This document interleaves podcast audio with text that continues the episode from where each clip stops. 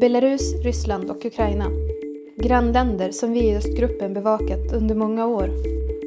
Vad händer där? Hur ser situationen ut vad gäller de mänskliga rättigheterna? Och varför är dessa länder aktuella för oss i Sverige?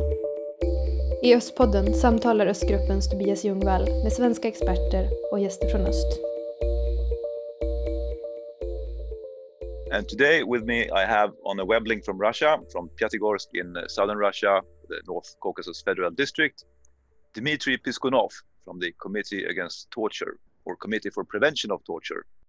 Uh, committee Against Torture, actually. We've had some uh, changes uh, in our name in the past, but currently we decided to go back to the good old uh, Committee Against Torture and these uh, name changes that were connected to the law on on uh, foreign agents i think exactly yes we had to create you know a different um, company so to say a legal uh, person to uh, avoid being subjected to fines for not labeling ourselves uh, foreign agents so you, you created a new organization formally but you remain the same people and then uh, am I correctly informed that this organization was also uh, branded a foreign agent? Yeah, we've had like three organizations that we created that were labeled as foreign agents. And today, do you have a formal organization, or, or are you just a, a movement or a non-registered initiative or something like that? Yeah, we've uh, decided to, you know, as they say in uh, Game of Thrones, you can't kill what's already dead, and uh, so we decided we just are going to are going to work without creating an uh, organization in legal terms. Uh, so we are an organization, but we're not registered as such in the Ministry of Justice. So they cannot label us foreign agents because uh, we technically do not exist on paper. So yes, for now we are um, uh, общественное движение, a public movement. Uh-huh. But before that, you were an organization, and basically you are the same people. I think uh, same leadership at least since you were founded about uh, 20 years ago. Yeah, it was in uh, early, uh, in late 2000. And uh, in in Nizhny Novgorod, I, I think. Yes, it was created as a consequence of a prolonged work on a famous case uh, from Nizhny Novgorod. Uh, a former police officer uh, was tortured uh, and he nearly died. He became handicapped uh, as a result of the torture. And the human rights activists from Nizhny Novgorod were representing him uh, and trying to trying to prosecute those guilty of his condition, of his suffering. Unfortunately, it didn't work out on the national level. We could not successfully prosecute uh, the torturers. However, we managed to uh, get a very noticeable compensation uh, from the European Court of Human Rights. And uh, subsequently, the criminal case was still initiated and uh, the investigation went on after the European Court decision. However, according to Russian legislation, the time span within which it is possible to prosecute a person for the torture, uh, it's uh, actually called not torture in Russian legislation, it's called the abuse of power with the use of violence. Uh, so in, in, this article in uh, Russian criminal code, uh, it can only be used within a time, time span of 10 years after the after the investigative bodies found out about this uh, event. If 10 years pass after that then uh, the person may be found guilty of the crime committed. However the punishment cannot be exercised. Mm-hmm. you mentioned the european court of human rights and, and the and the internal court rights process in in, uh, in russia. Is the russian court system uh, open to cases of torture because when you're prosecuting or trying to, to bring those guilty of torture to answer, you are actually taking on the state, usually, aren't you? Mm-hmm. Is that possible in, in, in, Russia today, you think? We've had, uh, I think, 144 police officers, well, not only police officers, uh, some other law enforcement uh, agents as well, criminally charged and uh, found guilty of uh, the, the use of violence. However, even though these numbers uh, seem somewhat big, uh, it's necessary to say that it, these uh, prosecutions took place within 20 years and in several regions of Russia. And uh, if you compare it to the actual amount of uh, torture cases that we have in Russia, uh, and it's just insane. And then we understand that police officers do not uh, consider it, it, probable for them to be punished for the use of torture, for the use of violence uh, against the defendants.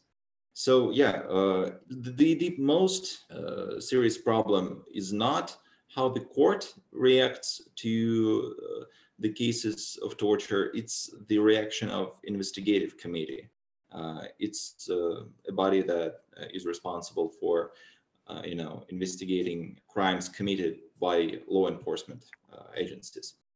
And the investigative committee is extremely reluctant uh, in investigating cases of torture for, and this happens for a number of reasons, but in like roughly in 80 or maybe even 90% of cases, if you submit a crime report saying that police officers tortured me in this way or another way, then the investigative committee will just refuse to start a criminal case.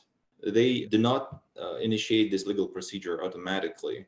The problem is that they have this, so to say, preliminary check uh, of the crime report, and then they uh, just refuse to bring it to uh, an actual criminal case, an actual criminal investigation.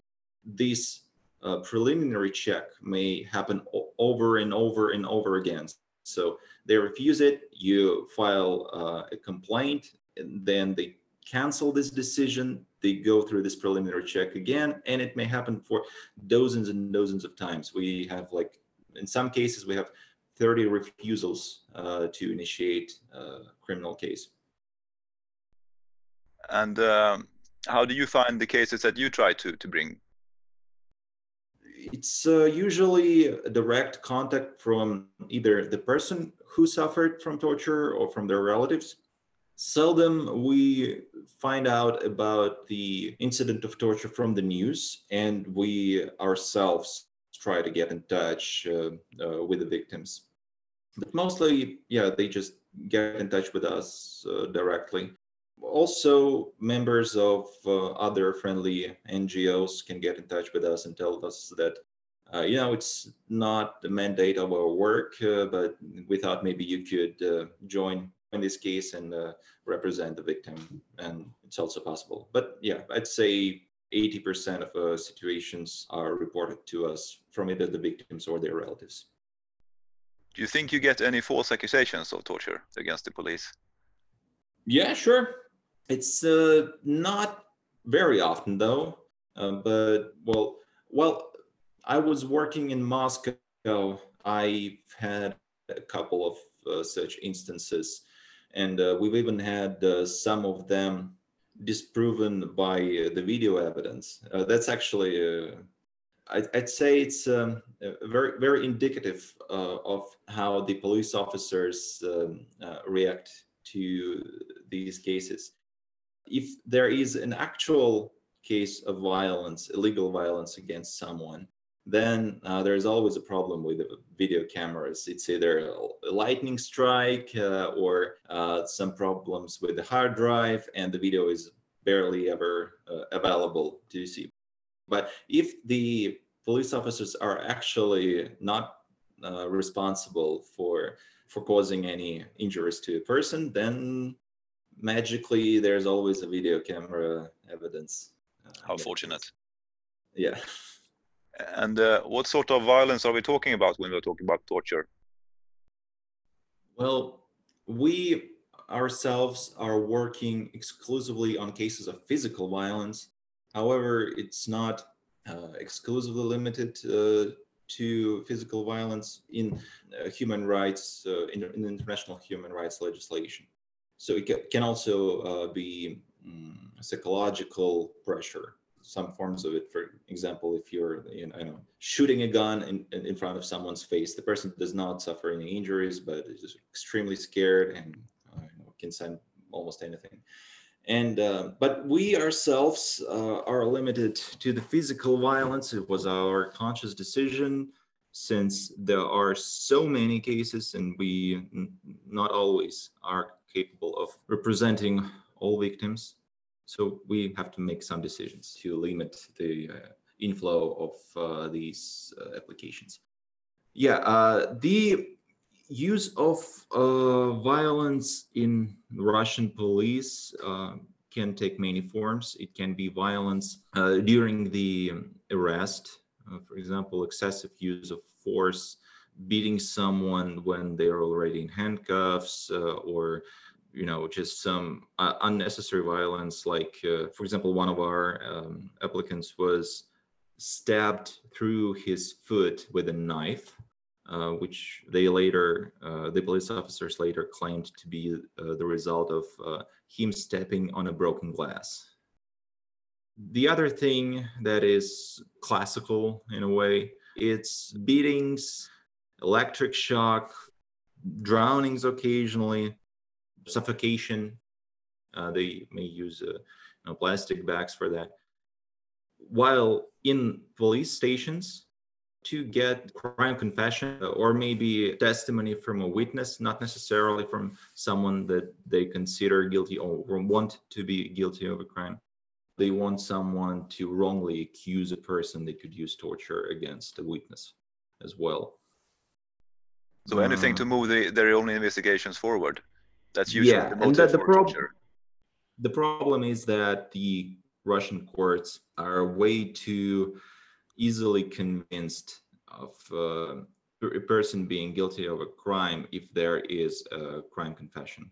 So yeah that's uh, there, it's basically can be the sole evidence of someone's crime and the court will be happy with that and ready to convict them of uh, crime. I see so this is russia uh, in general uh, your work in the north caucasus and i imagine that the the, uh, the worst place would be chechnya yeah um, their situation is noticeably different and even though they do have cases of violence that are uh, similar to the ones used in the rest of Russia. Uh, there are uh, some specific elements to this police brutality, and it's actually closely linked to the general policy of the government of Chechnya.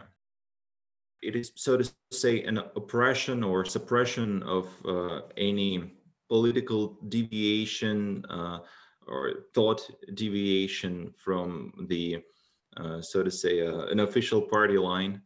And a lot of people are being illegally detained, uh, or basically, uh, there are enforced disappearances en masse on uh, basically an industrial scale. We're actually um, communicating constantly with the newly established uh, social movement of, of, people from Chechnya who have created uh, a channel in Telegram app uh, where they are publishing information about the human rights violations in Chechnya or you know just general socially important news. And they have counted the information that they received since April to late October of 2020. And they've recorded 1,400 something uh, cases of enforced disappearances. 1,400 people disappearing in half a year. Yes.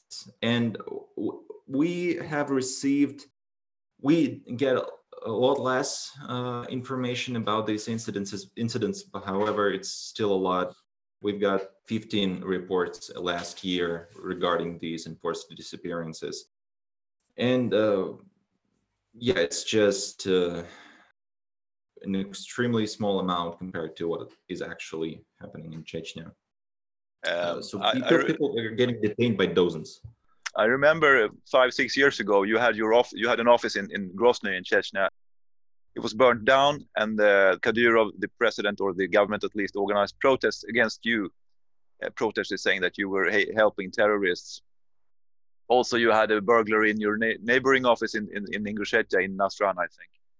And there was an attack yeah. minibus uh, on the border in which a Swedish radio correspondent also was injured.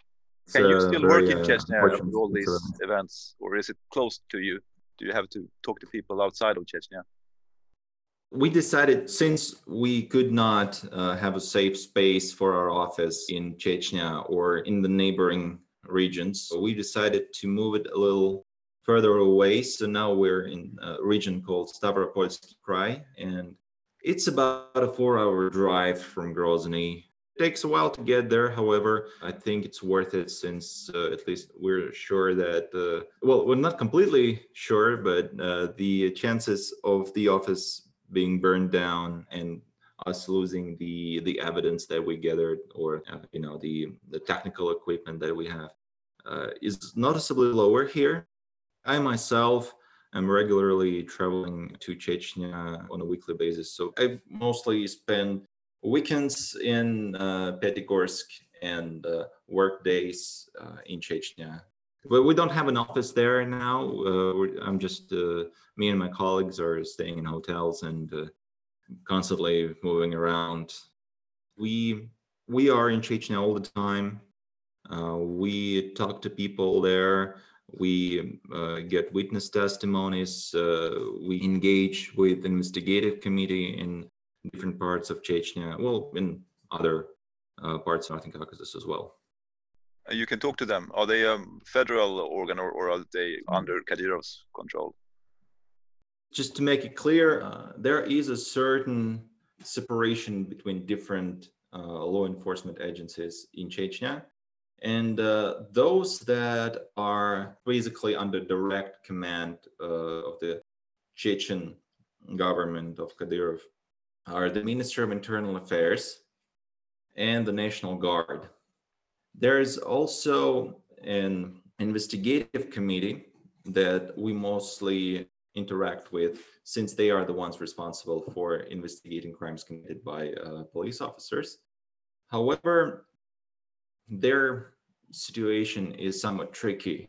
They are not they are not heavily equipped with arms. They do not have firepower of their own. They they, they mostly work from their cabinets uh, and you know they uh, investigate uh, cases that are a bit harder to investigate, like some murders or crimes committed against uh, the underaged and their presence in Chechnya is um, very uh, strictly limited by their fear of the Ministry of Internal Affairs and the National Guard, uh, who have enormous firepower. They have a lot of um, uh, trainings, they have a lot of equipment, and uh, basically, uh, even the judges, the court system uh, is under their pressure and it's possible that uh, you know someone from the Ministry of Internal Affairs may rush into the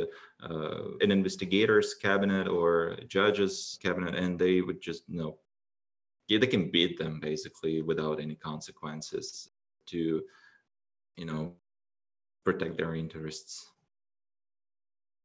When we interact, when we engage with the investigative committee, we um, understand that even if they have some you know internal motivation to uh, have a proper investigation of torture uh, they are limited in it. And uh, they cannot just you know uh, enter a police station in order to uh, see uh, what's in the offices what's in the basement. They have to get a special permission from someone up top in the ministry of internal affairs and uh, if they do it without any uh, permission, it may end up badly for them physically. A couple of years ago, um, when there was a court case against the local coordinator of another human rights organization, Memorial, the mm-hmm. coordinator Oyub Titiev was sentenced. He was framed for uh, drug possession. Uh, mm-hmm. The police planted marijuana in his in the trunk of his car, and, and uh, he was sentenced to a well fairly short prison sentence, and mm-hmm. later released by Kadyrov but during this this uh, court process where where lots of journalists and human rights defenders were present mm-hmm. Kadyrov said that uh, okay I'm going to let you stay until the end of the of the court process but after that I will have tolerate no more human rights defenders in Chechnya. You will all be persona non grata here. But still now a couple of years later you are still going there. I think, uh, well, it's hard for me to get inside Kadyrov's head and explain exactly what his line of thinking is, what his perspective is. But as far as I understand, for some reason, it's important for him that there are no like offices, the the the buildings that uh, represent the human rights defenders' presence in the in his domain. And but if we're just you know arriving there spend some time there and leave, that's okay for him for some reason. I don't know how he, how he explains that, but you know, basically it's the same. It's just uh, not convenient for us to for having to constantly move around and have four-hour rides on a car to and fro. But it would be the same if we had the office in Chechnya. It would be uh, no different. I don't know why the situation is like this and why uh, they're tolerating our presence in this manner and not in another. We can talk a little bit about Ingushetia maybe or Dagestan. Well, yes, that's interesting. Uh, compared to Chechnya, I suppose there are somehow softer environments to work in. Not necessarily, actually. The uh, Ingushetia government, you know, it was uh, for the last few years it was uh, relatively tolerant to uh, the work of uh, NGOs and uh, social activists. However, in, since early 2019, they became a lot stricter, and there have been a lot of criminal cases, administrative cases against those who decided to speak up to. This um, is all after those protests to, against giving land over to, to, to Chechnya yeah the, the, the change of these administrative borders even though it's you know within one country but however these changes in in, in the administrative borders were uh, extremely important to the ingush and actually to dagestan uh, citizens as well mm-hmm. uh, since dagestan also lost parts of its territory to chechnya and uh, yeah, um, ever since then, the situation has become extremely difficult for the human rights defenders in, in Ingushetia. And uh, at the moment, there are basically no people left there except for a few individuals who are still trying to do something.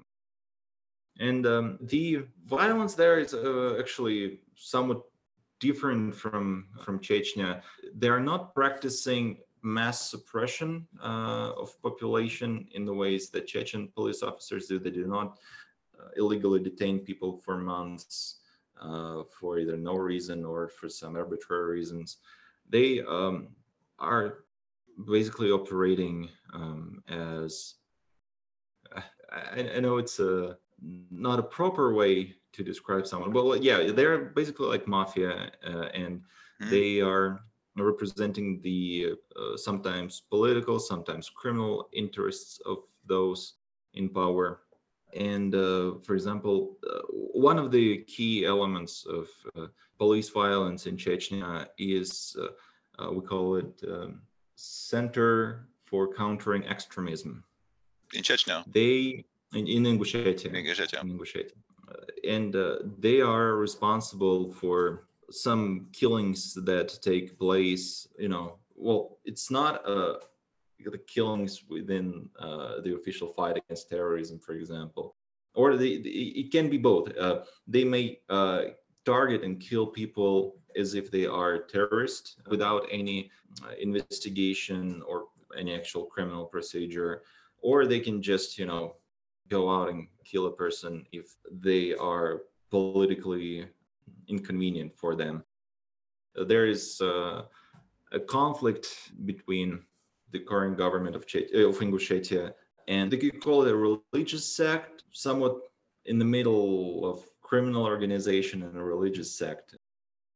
They are called Batal They are uh, operating within Ingushetia and uh, they have managed to get a lot of uh, their members into the uh, government offices, and uh, they are also having um, some gun trade, and uh, they're stealing cars. They they're doing a lot of things, shady things. Are they a and, Su- Sufi sect? No, they're not Sufi, uh, so to say. They have a religious leader from the 19th century who uh, they consider like the founding father of uh, their clan, and uh, they are following, you know, his teachings, so to say. What, what was But his name? They are Batal Haji Belkhoroev, and they're, they're, calling themselves Batal Hajin. Uh-huh. Batal Hajins. Uh, and um, their interests uh, came into conflict with the interests of, of some other members of the Ingush government. The violence has uh, risen in the republic, and it actually came to uh, a lot of killings happening here and there. Um, one of the uh, members of this Center for Countering Extremism, that actually the head of Ingush Center for Countering Extremism was killed. Uh, it was an assassination. Uh, as a consequence, uh, his brother was later appointed head of the Center for Countering Extremism, and this led to basically a clan war. Members of one family who were in the government started waging a war against Batal Hajins, who were also members of the government. And it's actually quite an, an interesting thing to observe. However, it's extremely bad for the republic itself. Yeah. But these Yeah. Badatagin, are they somehow related to the protests? Uh, I don't think so. No, No. they were not. Well, it, at least I'm not aware of them uh, somehow actively participating. in these were genuine protests. Uh, this was a grassroots movement and the popular, uh, just a popular opinion about Mm. this land. yeah yeah. this was definitely uh, uh, the the protests against uh, the um, uh, borders change were definitely uh, people's uprising. It was uh, a general agreement in the Ingush population that uh, uh, such changes to the border cannot happen without their consent uh, and they felt betrayed by their government. So that's why the protests happened So that's Ingushetia. And just to clarify, this Center for the Countering of Extremism, this is what is usually called Center E in Russia, and it's part of the police somehow, but they, they focus on extremism. Yeah, it's uh, in the rest of Russia, they are mostly prosecuting children who post pictures of Adolf Hitler on their social uh, pages. And uh, the Center for Countering Extremism in Northern Caucasus is often operating closely with the Federal Security Service, FSB, and uh, they uh, often engage in uh, operations against terrorists, whether those are actual terrorists or somebody they just need to get rid of. So, yes, they are somewhat different uh, in Northern Caucasus from the, the, than the rest of Russia. Uh, the Dagestan uh, is, I would say, definitely more liberal than uh, these two previous republics we were talking about.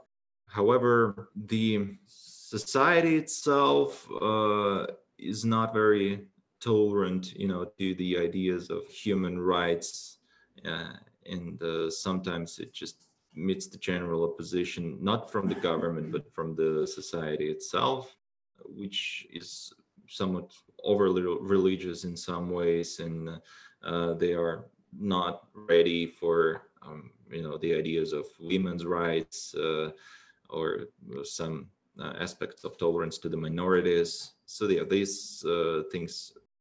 However, it's definitely better than Ingushetia or, or Chechnya uh, in terms of political oppression, you know, deviances from the general policy of, of the government of that region.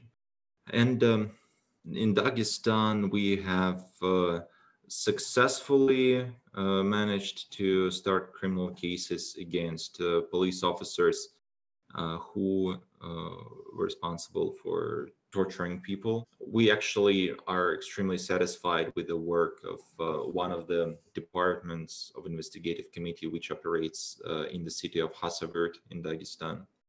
I have zero zero things that I consider wrong about their investigation in a couple of cases that we take part in as representatives of victims of torture.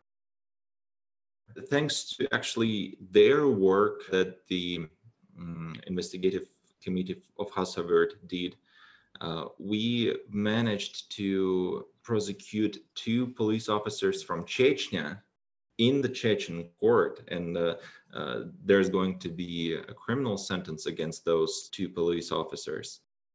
I think next week or well, somewhat soon in a few days. They detained illegally a pharmacist from Khasavyurt. They crossed the border, kidnapped him, took him to Chechnya, tortured him there, and most likely he died because of the torture. He could not, you know, resist it. And um, the body is not found still. It happened three years ago, and uh, in in the course of these three years, the body was not found.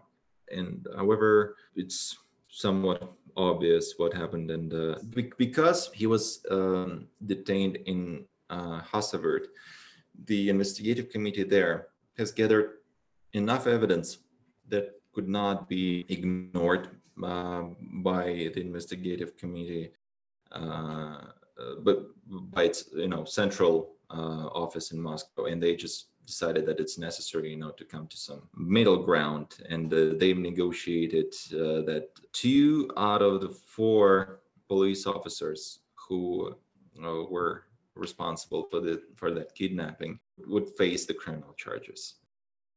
I read about this. it's uh, it seems they you made a, a witness confess to killing the uh, pharmacist, uh, so the policeman's responsibility will only be indirect, and they will be given lenient sentences. I understand.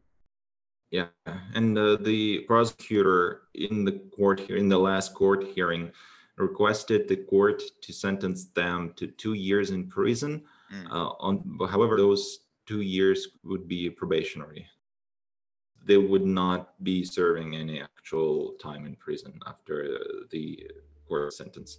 And I suppose that it's very unlikely that the judge will try to give another sentence uh, and oppose the decision of the prosecutors. Well, it's been very interesting talking to you, Dmitry Piskunov of the Committee Against Torture. Thank you so much for taking your time to talk to me, and uh, good luck to you in your in your work. Is there anything you would like to add? This is the general overall picture of what is happening now in uh, Northern Caucasus republics.